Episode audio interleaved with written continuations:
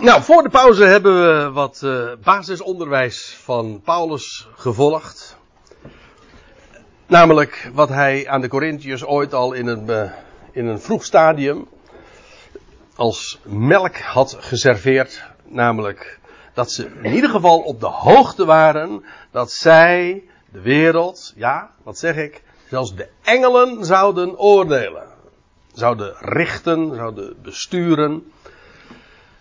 Dat wisten zij. En Paulus herinnert hen eraan. Dat is nogal wat. Dat betekent dus dat uh, de Corinthiërs die wisten van ja, wij zijn lichaam van Christus. Sterker nog, wij, wij maken deel uit van de Christus. Nou, dat hebben we voor de pauze gezien. En, en nu gaan we naar Efeze 1. Nou, als je over de Efezebrief gaat spreken, lieve mensen. Hè, dan ben je nog niet klaar hoor. En maar juist die Efezebrief, en dat is ook de reden waarom ik dat vanavond ook opvoer. Juist die Efezebrief, die benadrukt de geweldige hoogte waar God Christus Jezus opgeplaatst heeft. Maar, maar als ik het zo zeg, dan ben ik niet compleet. Nee, letterlijk ben ik nou niet compleet. Want het hele idee is juist, en dat is de clue van de Efezebrief. Hij is daar gezeten, niet alleen, maar samen met ons. En wat ik bedoel met samen met ons, degene die vandaag geheiligden in gelovigen in Christus Jezus zijn. Dat is de wijze waarop hij de Efezebrief ook adresseert. Wij noemen het Efezebrief, maar dat woord Efeze staat er eigenlijk niet eens. En het gaat het gaat om degene die God vandaag geheiligd heeft door dat evangelie, zoals Paulus dat mocht prediken. Afijn. En dan heeft hij al prachtige dingen gezegd, want dit is het twintigste vers wat u nu hier voor u ziet. En dan zegt hij, uh, nou ja, hij, hij spreekt over, over Christus Jezus. Hem opwekkend vanuit de doden, dus met achterlating van alle andere doden, heeft God hem opgewekt. Daar is niet bij gebleven, want hem vervolgens ook doen zitten, gezet, doen zitten, rechts. Hm, ja, de rechterhand, zeggen de meeste vertalingen. Het, woord hand staat er eigenlijk niet eens, het is gewoon rechts. En rechts spreekt gewoon van een positie van, ja, van voorrang. Dat lijkt me niet zo moeilijk. Dat weten we allemaal. Dat is uh, dan niet zozeer ABC voor kinderen op de basisschool, maar wel eh, ABC voor iedereen die aan het verkeer deelneemt. Hè? Dat weten we allemaal. Rechts is een positie van voorrang. Terwijl links trouwens in de Bijbelse symboliek ook altijd staat voor juist achterstelling. Verlaten. Left. Hè? Left. Verlaten. Afijn. God heeft hem rechts doen zitten te midden van de hemels. Ik moet er trouwens bij zeggen, dat is ook de vervulling van de profetie. Ook dat uh, is iets wat ja, een grote rol speelt in de hele prediking van het Nieuwe Testament. Dat God, ja, dat Christus Jezus, hij is gestorven, hè, hij, uh, hij stierf naar de schriften. hij werd begraven naar de schriften. Hij werd opgewekt naar de schriften. Dat is alles in overeenstemming met wat wij dan noemen eh, het Oude Testament, de Hebreeuwse Bijbel. God heeft hem geplaatst, rechts, in Psalm 110, waar dat al door David duizend jaar eerder was voorzegd, dat zit aan mijn rechterhand totdat ik u aan, totdat ik uw vijanden gesteld zal hebben tot een voetbank voor, mijn, voor uw voeten. Dan gaat het over, uh, over de koning, priester naar de ordening van Melchizedek. Een profetie van David. Wel, dat is aan, in vervulling gegaan aan de zoon, de erfgenaam van David. Hij heeft hem rechts doen zitten van hem te midden van de hemelsen. Zo staat het er eigenlijk, of te midden van de ophemelsen.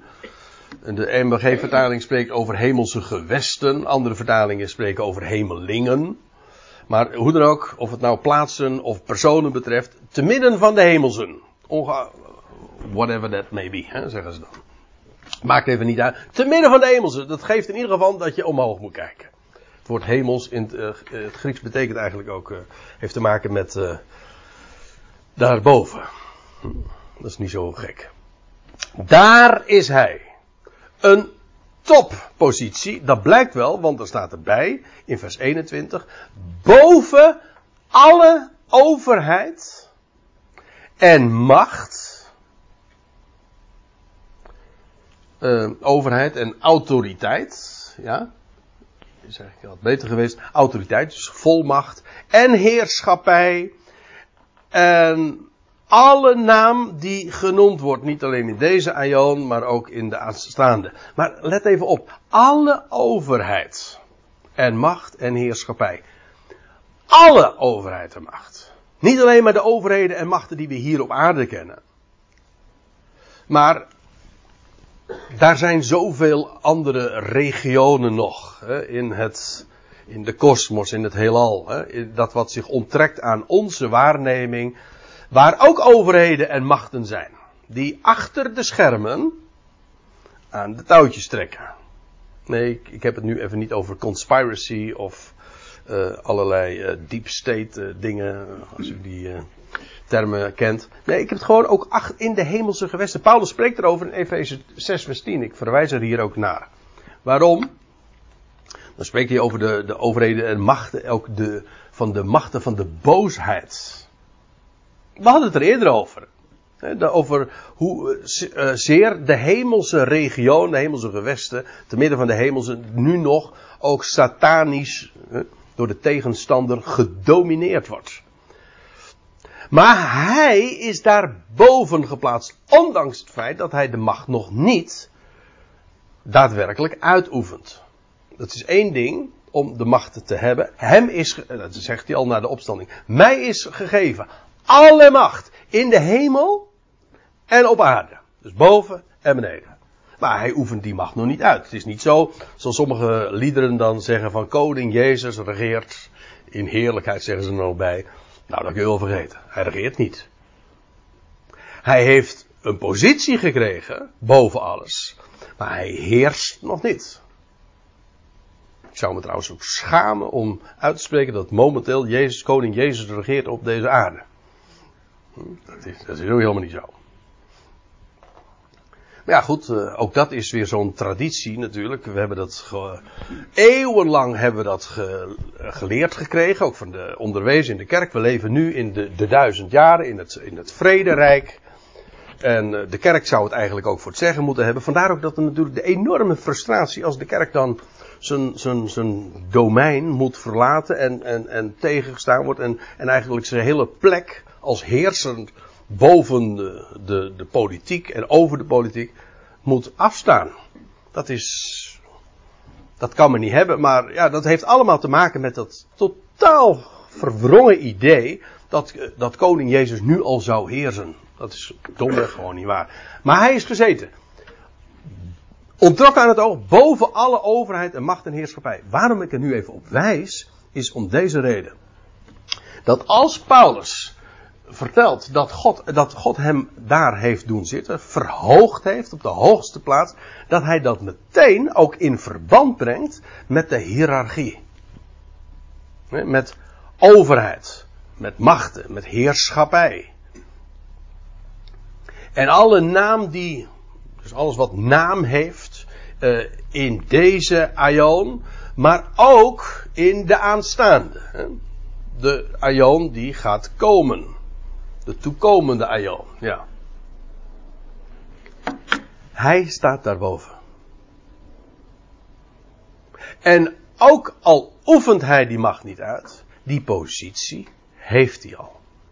Ik, uh, er zijn mooie typen in de Bijbel die dat al demonstreren.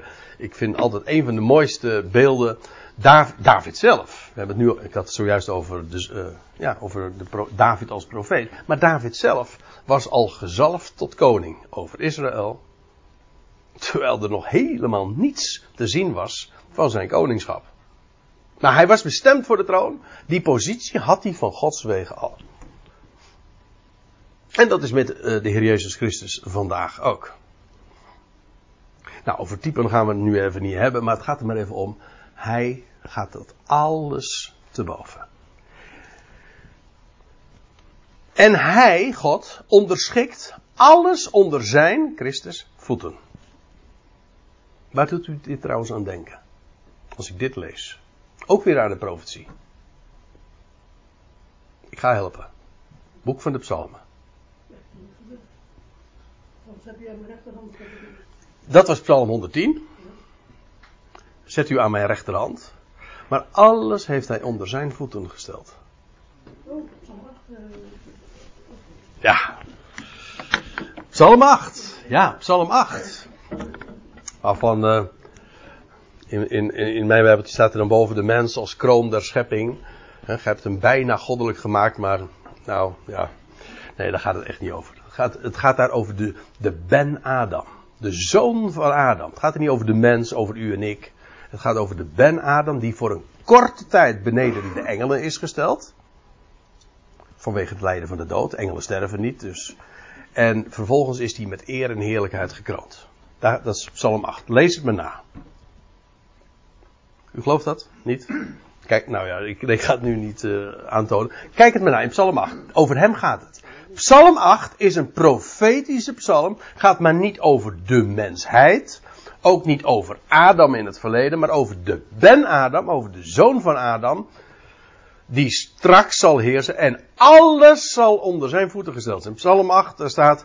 U doet hem, God doet hem heersen over de werken uw handen. Alles hebt gij onder zijn voeten gelegd. Dus als Paulus dit aanhaalt, dan, nou, dan ik zeg niet hij citeert, maar hij refereert daarmee ook aan bekende profetische waarheden. David had daarover gesproken. God heeft alles onder zijn voeten gesteld. Ik ben het opbouwen, want ik, u, ik ben niet afgeweken van mijn onderwerp. Ik, ik neem u mee, want let op. Nou komt het. Hij, God onderschikte alles onder zijn voeten. En hij, God, heeft hem, Christus, gegeven. Aha, Christus is een geschenk dus. In welke hoedanigheid? Nou, als hoofd boven alles, want alles is onder zijn voeten gesteld. Wel, in die positie is, heeft God hem gegeven, of geeft eigenlijk in de aorist, tijdelijk, God geeft hem in die positie als hoofd boven alles aan de Ecclesia, de gemeente. Precies andersom, hè? Precies andersom zijn je zou zeggen dat de Ecclesia, dat is ook weer zoiets, je zou verwachten dat de Ecclesia een geschenk is aan Christus, Jezus. Het is trouwens ook wel waar, maar het is vice versa ook. Het, wordt, het is op, grappig, ja, nou laat ik het zeggen, geestig. Uh, dat, uh, dat het eerst zo genoemd wordt. God heeft hem als hoofd boven alles gegeven aan de gemeente, aan de Ecclesia. Alleen dat dan denk je dan moet die Ecclesia toch wel heel speciaal zijn. Hè? Even lezen alsof je dit voor het eerst gewoon tot je neemt. Dan is dit heel verrassend.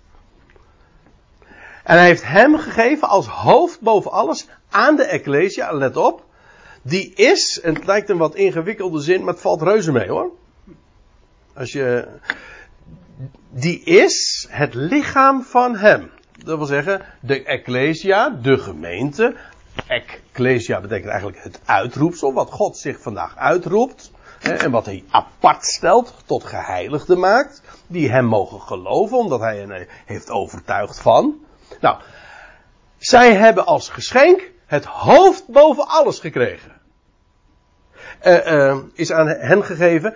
En die Ecclesia, wat is dat? Nou, dat is het lichaam van hem. Hij het hoofd, boven alles trouwens, maar ook die is het lichaam van hem. En nou wordt erbij gezegd, en dat is, prachtig. In de MBG-vertaling staat de ver, uh, ja, hoe staat het er precies? Die is lichaam, de ja, die ver, vervuld met hem. Uh, nee, kan ik niet helemaal goed rekenen. We zijn streng, hè, vanavond. Uh, nee, het is de, de pleroma. Dat is heel grappig. De eerste keer dat uh, dat genoemd wordt, dan gaat het over in het Nieuwe Testament, dan gaat het over een, een, een lab uh, dat kapot is en wat, een in, wat iets ingezet wordt. Hè? En dan wordt dat stuk lab, dat is de pleroma van dat kleed. Van, Uh, dat wil zeggen, het, het, wordt het, het wordt aangevuld, het wordt compleet gemaakt. Ja. Uh, het is eigenlijk, het is de compleetmaking. En dat is, uh, het idee is, de ecclesia, dat wat God zich vandaag verzamelt, dat uitroepsel, dat is de aanvulling, de pleroma, de compleetmaking, de completering, de het complement. Dat is eigenlijk het woord. Ja, alleen ik, bij, uh, ik heb altijd een beetje moeite met het woord complement, omdat de meeste luisteraars die horen het woord compliment daarin, maar dat is weer wat anders. Nou, ik vind het wel een enorm compliment om het complement te zijn hoor, van, van hem. Maar dat is wat anders. Het complement wil zeggen, we maken hem compleet. Wij maken, zo, zo staat het hier. Wij maken Christus Jezus, het hoofd boven alles, compleet. Dat is de positieve manier van formuleren, zo staat het hier. Ik zou het ook negatief kunnen formuleren. Dat doe ik expres nu even om het contrast te laten zien. Als ik het negatief formuleer, zonder de Ecclesia is Christus Jezus niet compleet.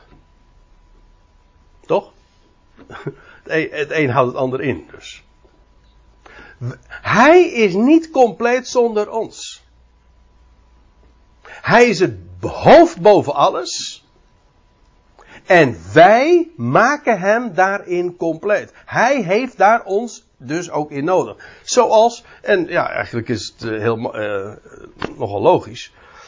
Mijn lichaam maakt het hoofd compleet. Ik kan natuurlijk ook omkeren. Het hoofd maakt het lichaam compleet. In ieder geval, het vult elkaar uh, noodzakelijkerwijs aan. Het hoort bij elkaar. Het kan niet zonder elkaar. Het hoofd is niet zonder het lichaam en het lichaam is niet zonder het hoofd. Daarom werkt het naar twee kanten toe ook. Is toch ongehoord? Dat betekent dus dat wat aan hem is toegezegd, alles wat aan Christus is beloofd, daarin deelt de Ecclesia. Alles wat aan hem gegeven is, dat is aan ons gegeven.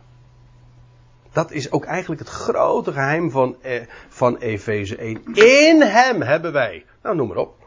Nou ja, het staat er meteen bij in Efeze 1 vers 3. Elke geestelijke elk, niet allerlei, zegt de MBG-vertaling. Want eh, kennelijk konden die vertalers dat zeggen, ah ja, dat is een beetje overdreven. Nee, elke geestelijke zegen, te midden van de hemelse, hebben wij ontvangen in Christus. Het is aan hem gegeven, dus ook aan ons. Kijk, en dat was geheim. Dat het aan, dat Christus Jezus die positie zou hebben, dat was bekend. Daar hadden de profeten over, over gesproken. Maar dat hij die positie zou delen met een gezelschap. Ja, wauw. Dat was inderdaad verborgen. En Paulus heeft die verborgenheid mogen bekendmaken. Dat de Christus maar niet één iemand is, maar een heel gezelschap. Een uniek gezelschap. Het complement, de compleetmaking van hem. Die het al in allen compleet maakt. In de loop der ionen. Maar als u meer daarover wil weten, nou dan lees je 1 Korinthe 15. Daar, gaat Paulus, daar heeft Paulus het ook over. Dat God heeft alles onder zijn voeten gesteld. En hij moet heersen totdat. Alles onder zijn voeten is gesteld. Hè, dat is Psalm 8. En dat gaat in en gefaseerd.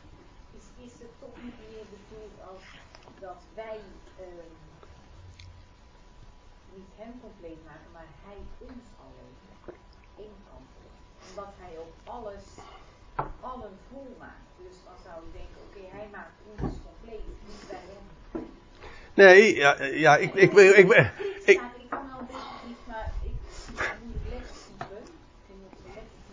Nou, dat maakt even niet uit. Maar,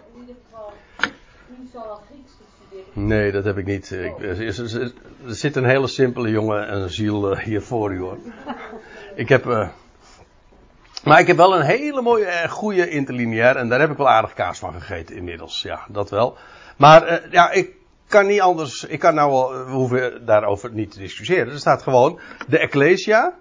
Even gewoon begrijpend deze. De Ecclesia. Die is het lichaam van hem. De compleetmaking van degene. die het al in allen compleet maakt. Dus de, dat lichaam, die Ecclesia, die maakt hem compleet. Het is weliswaar wat er staat, is hij is gegeven aan de Ecclesia. Dat is waar. Hij is het geschenk aan de Ecclesia. En dan vervolgens, die Ecclesia, die maakt hem compleet. Maar het werkt inderdaad, dat is waar, waar we het zojuist al over hadden. Het maakt het. Uh, uh, het is beide waar. Het hoofd is niks zonder het lichaam en het lichaam is niks zonder het hoofd. Maar hier staat inderdaad, het lichaam is de compleetmaking van hem. En vervolgens die het al in allen compleet maakt. Want u weet, God heeft een geweldig, alles omvattend en ieder omvattend plan. Voor heel de mensheid. Zoals in Adam alle sterven, zo zullen in Christus ook allen worden levend gemaakt, maar ieder in zijn eigen afdeling. En ja, degenen die van Christus zijn, hebben daarin een unieke voorrangspositie. Hè? En ook een speciale taak. Allemaal om de wereld, de schepping te onderschikken. Eigenlijk is dat het hele plan van God. Om alles te gaan onderschikken. En daarin zijn wij zijn complement. En, en dat gaat, uh, God gaat het door hem het al in allen compleet maken. En dat is, en dat is één keer. Ja, als je het niet erg vindt, uh, laat ik het even hierbij. Hè? Ja, maar ik bedoel, je bent ook dan verkeerd bezig door de kerk te altijd zeggen dat God jou eigenlijk niet nodig heeft. God is in zichzelf al. Dus dat, dat dan. Oké, okay, laat ik dan even uh, nee, God, uh, ja, God heeft ons niet nodig. Uh, Hè? Ik ken, ik, er was een, uh, ik heb ooit een, een boekje in, uh, nou ja, ik heb het half gelezen, want ik kon, ik kon er niet doorheen komen van een Duitse theologe.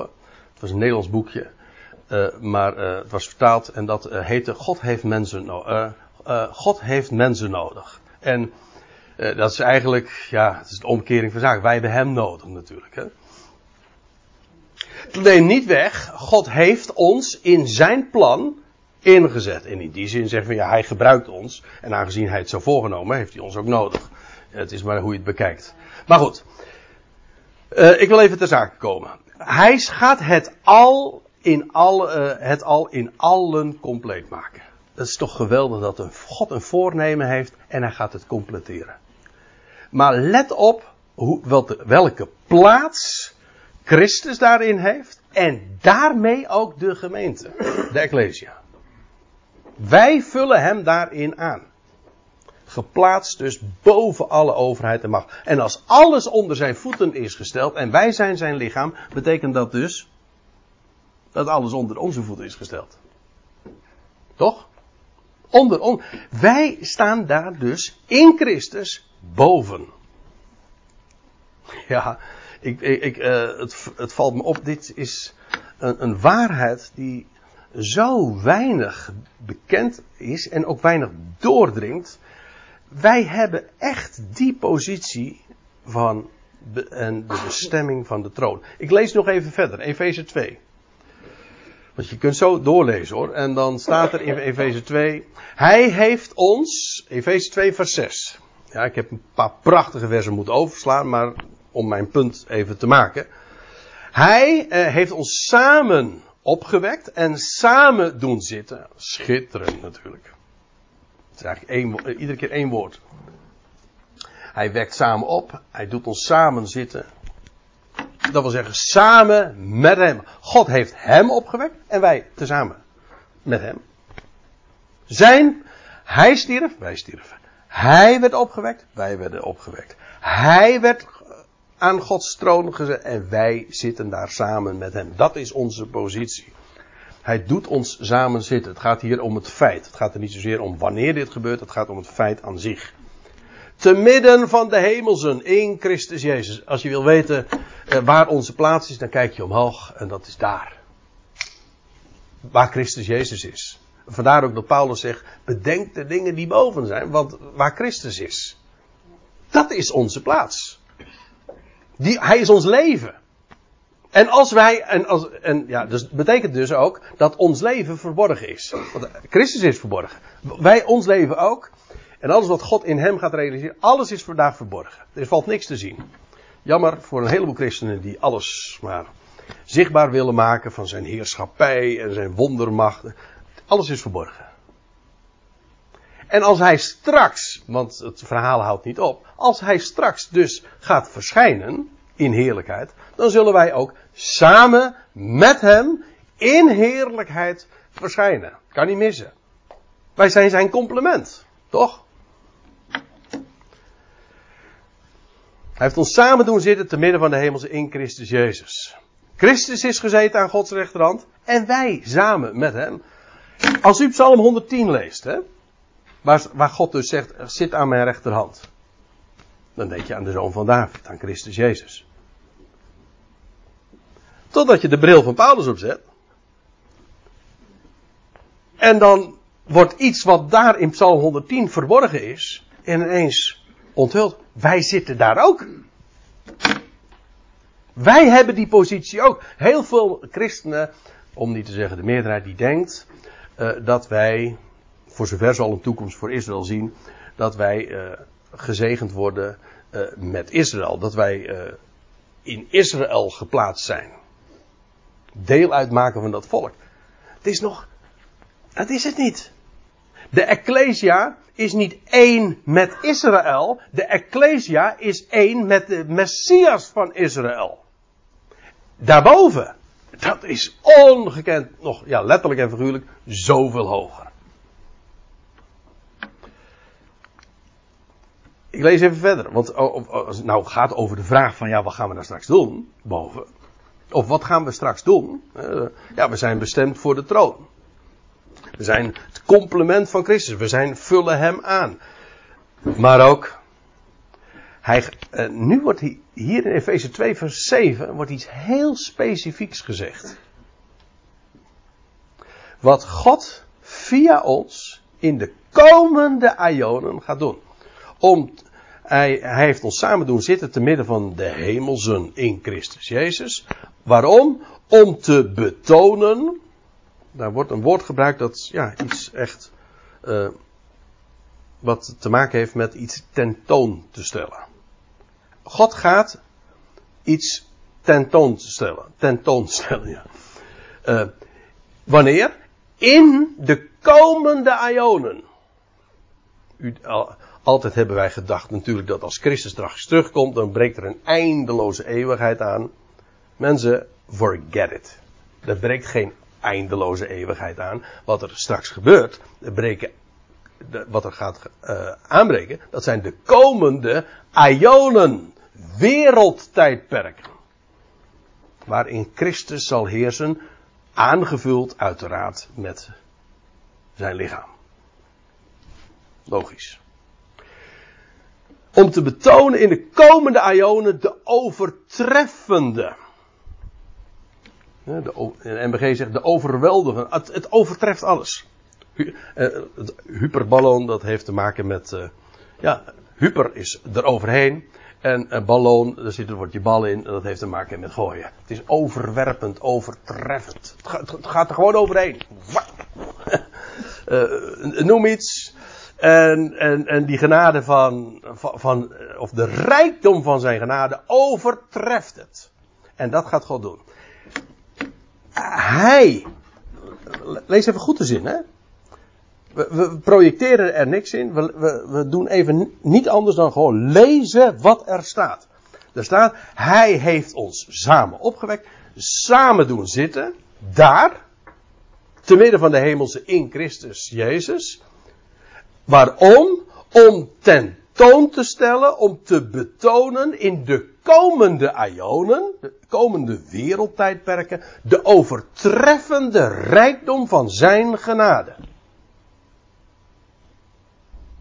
Dus, wat God doet, is via die Ecclesia, die hij die plaats heeft gegeven samen met Christus, dan wil hij gaan demonstreren hoe overtreffend de rijkdom van zijn genade is. En laat ik u dit zeggen, Uh, vooral als je dat ook nog even het voorgaande er zou, betrok, zou uh, bijlezen. Dan lees je eerst van dat we eerst uh, waren dood in zondaren. Hoe staat het er? In misstappen en, en zonde. en onbruikbare zonen van de weerspannigheid in deze wereld. En God heeft ons uitverkoren. En vanuit de, vanuit de diepste diepten, hè, stervelingen, onbruikbaar, zondaren, doelmissers. En hij heeft hen tot de grootste hoogte gebracht. Hoger kan namelijk niet. Die, die de positie van de Christus zullen delen. Nou, en via hen gaat hij heel de schepping tot zijn doel brengen. Gaat hij het al in allen completeren. Daar, daar heeft hij echt wereldtijdperken voor nodig om alles te gaan onderschikken. Onderschikken aan wie? Aan Christus. Wie is Christus? Hoofd en lichaam. Wij. Ja, ik zeg wij. Ik ga er nu even gemakshalve vanuit dat wij hier uh, dat van geloven en dat wij tot die geheiligden mogen behoren. Dat is onvoorstelbaar toch? Ja, ik vind het echt onvoorstelbaar. Ik kan het ook letterlijk niet voorstellen. Ik geloof het. En, en je voelt natuurlijk wel aan, dat is, als je dit tot je doorlaat, dit is zo adembenemend groot. Dat God ons daar, waar hebben we dat aan verdiend? Nou, zegt Paulus helemaal niet. Dat is, ja, dat is juist wat de rijkdom van zijn genade demonstreert. Je hebt het helemaal niet verdiend, daar gaat het niet om. Maar God kiest uit, juist om de rijkdom van zijn genade te betonen. En wat een plaats. Zo zal hij ook in, in uh, zijn genade in vriendelijkheid over ons in Christus Jezus tonen. Nou wil ik nog even. Heb ik de tijd? Ja. Uh, even meega, uh, meenemen naar Efeze 3. Dat, is een passage die nogal eens genoemd wordt in verband, en dat is denk ik ten onrechte, wordt, wat genoemd wordt als het gaat om de vraag wat we straks zullen gaan doen. Uh, en dan wordt Efeze 3 aangehaald. Ik heb het al uh, vaker meegemaakt en ik denk niet dat het terecht is. Ik begin weer even, ja, mag eigenlijk niet, maar ik doe het even. midden in de zin, en dan zegt Paulus, en allen te verlichten wat het beheer van het geheim, waar hij zojuist over had gesproken, inhoudt dat geheim dat verhuld werd vanaf de Ionen in God, die het al schiep. Om het eventjes heel kort samen te vatten, wat Paulus vertelt is, hij zegt ik maak, geheim, ik maak een geweldig geheim bekend. Het geheim van de Christus. Namelijk dat, dat zij die uit de natieën zijn, nu mee, samen erfgenamen, lotdeelbezitters, samen genoten, samen één lichaam vormen met de Christus. Dat is het geheim. En hij zegt dat geheim dat was verhuld vanaf de Ionen. In God. Nooit overgesproken. En het is aan hem geopenbaard. Moet je je voorstellen, Paulus schrijft dit zo op daar in de gevangenis. Is hij in Rome. En zulke ongekende geheimenissen mag hij nu optekenen en daarover spreken. En schrijven. En nou zegt hij. Opdat nu bekendgemaakt zal worden aan de overheden en autoriteiten te midden van de hemelse door de Ecclesia de veelzijdige wijsheid van de God. Ja, wat ik nu eigenlijk vooral wil doen, is iets benadrukken wat er staat. Dit gaat niet, Efeze 3 vers 10 gaat niet over wat God straks gaat doen. Ik, ik, heb het, ik, ken de, eh, ik heb vaak de gedachte gehoord, en ik denk niet dat het naar de schrift is, dat wij straks zullen worden ingezet om de veelzijdige wijsheid van God te midden van de hemelse te gaan bekendmaken. Een soort al als met de gedachte van dat we straks uh, zendelingen zijn in, in, het, in het heelal. We zijn geen zendelingen. We zijn het complement van Christus. We vullen hem aan om, waarom? Om heel de schepping te gaan onderschikken aan Christ, aan, ja, aan God natuurlijk. Maar om de heel de schepping te onderschikken uh, en uh,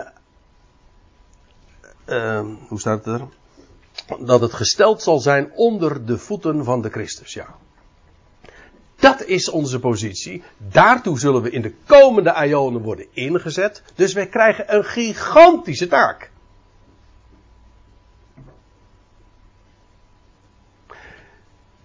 Niet een taak hier overigens op aarde, maar daar. Overigens, dat heeft wel alles te maken op aarde, want per slotverrekening, ook nu wordt er vanuit de hemelse gewesten, vanuit de hemelse regionen, hier op aarde geregeerd. Dat, is, dat, dat vindt u misschien wat vreemd, maar ik bedoel, uh, in Den Haag, om maar wat te noemen, wordt er geregeerd over, uh, over Heer Hugo Waard en over, over Urk en over, nou ja, noem maar op. Hè, en Katwijk en Rijnsburg. Groningen. Hè? Groningen, oh ja, ook nog, ja. Nou ja, dat staat ter discussie natuurlijk. Maar, uh, nee, ik bedoel, uh, op, daar, daar wordt daar geregeerd over andere plaatsen. Zo wordt er in de hemel geregeerd over heel de schepping. Wij gaan heel de schepping onderschikken. Daarin krijgen wij een taak, een geweldige plaats als aanvulling van de Christus.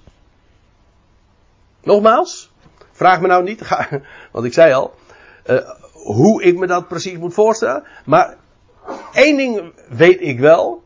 Dat is waartoe we bestemd zijn. Voor de troon. Daar. En nu, wat, want daarover gaat Efeze 3. Opdat nu bekendgemaakt zal worden aan de overheden en de autoriteiten te midden van de hemelse. Die zijn er dus, hè? Daar in de hemelse, waar dat ontrokken aan het oog, achter de, uh, achter de schermen zeg maar, uh, hebben de uh, machten en overheden de touwtjes in handen. Te midden daar van de hemelsen. Maar door de gemeente, door de Ecclesia, wordt nu aan hen de veelzijdige wijsheid van God al bekendgemaakt. Als in de Ecclesia, als, die, als, als wij samen zijn. Want dat is wat een Ecclesia is, als de volksvergadering. Als we samen zijn en we spreken over deze dingen, dan zijn zij, worden zij op de hoogte gebracht. Want reken maar dat zij ons kennen. Hoezo? Nou, die overheden en die autoriteiten, nu hè, dat, worden, die, dat zijn onze concurrenten. Of, nou laat ik het anders zeggen, voor hen zijn wij concurrenten en rivalen. Nu oefenen zij nog de macht uit, straks niet meer. Dat is het verschil. Vandaar ook dat ze ons bestrijden. Die overheden en machten. Die hebben, waarom? Wel, wij zijn de troon- en kroonpretendenten. Wij behoren, nou laat ik het anders zeggen. Wij behoren aan de Christus toe. En dus hebben ze het nu op ons gemunt. En wij maken nu al, alvast bekend, als, wij, als ik hier nu zo spreek, hè, we zijn hier als gelovigen bij elkaar, of waar dan ook, als de Ecclesia daar is, en we, we spreken over deze geweldige waarheden, dan wordt in de Ecclesia aan die overheden en machten die we verder niet zien, maar zij, zij ons wel, al bekendgemaakt de veelkleurige wijsheid van God en ook wat Gods plan is met die Ecclesia en hoe zij de aanvulling is, de completering van Christus. Dat doen we nu al. Dat doen we nu al, ja.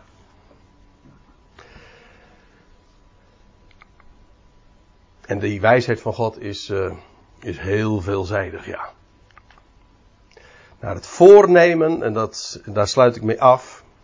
Daar wordt in vers, 1, in vers 11 van Efeze 3 nog gezegd. Dat nu dat bekendgemaakt wordt via, door de Ecclesia, de veelzijdige wijsheid van de God, prachtige, de God, naar het voornemen van de Ionen, dat wil zeggen in overeenstemming met het geweldige voornemen van de wereldtijdperken dat Hij maakte in Christus Jezus, de Heer van ons. Hij is de Heer, wij zijn Zijn lichaam en wij zijn Zijn aanvulling. En wat een, een geweldig alomvattend plan heeft God. Maar ook, en dat is wat ik, ja, dat loopt als een rode draad door deze hele avond. Wat een ongekend hoge plaats heeft hij aan de Ecclesia in zijn plan toegekend. Namelijk het lichaam te zijn van Christus. Boven alles gezeten. Samen met hem daar gezet. En wat het allemaal gaat betekenen, lieve mensen. Nou, dat is voor mij, wat mij betreft, een, een geweldige verrassing. Maar ik weet wel, wij worden hier al getraind. Voor die taak straks. Maar dat is waar het weg. Onze, laat ik het zo zeggen. Onze echte, grootste taak gaat straks nog beginnen. En dit is alleen maar, als ik het zo mag zeggen. Sorry voor uh, het wat laatdunkende erin.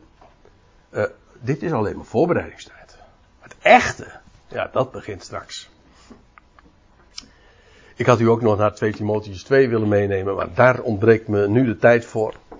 Want het willen ze weliswaar 5 voor 10, maar dat vind ik een mooie moment om de avond af te sluiten.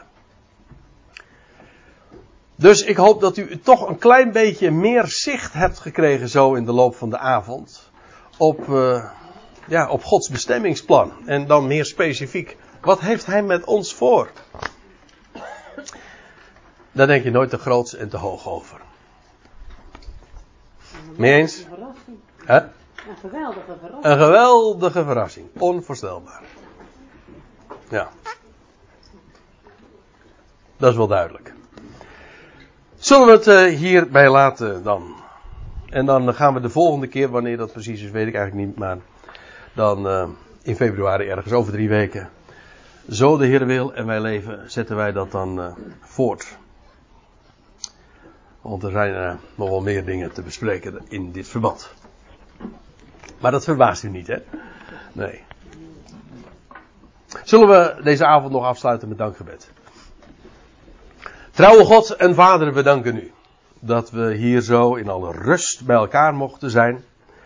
En dat we onvoorstelbare grootse, maar ook hoge dingen mochten lezen, tot ons mochten nemen, ook op ons in laten werken, door laten dringen, want we realiseren ons dat we eigenlijk dit nog nauwelijks beseffen. En het is niet voor niks dat we in, in de brieven ook voortdurend lezen dat we, dat we verlichte ogen van het hart zouden hebben, die besef zouden krijgen van waar u ons toe bestemd hebt.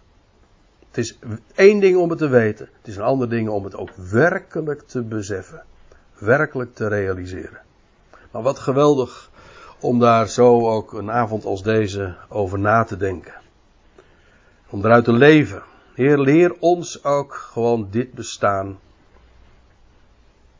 Het korte, tijdelijke bestaan te relativeren en te zien waar het werkelijk om gaat.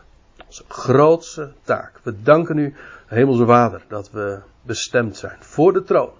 Het lichaam van Christus mogen zijn. Ongekend.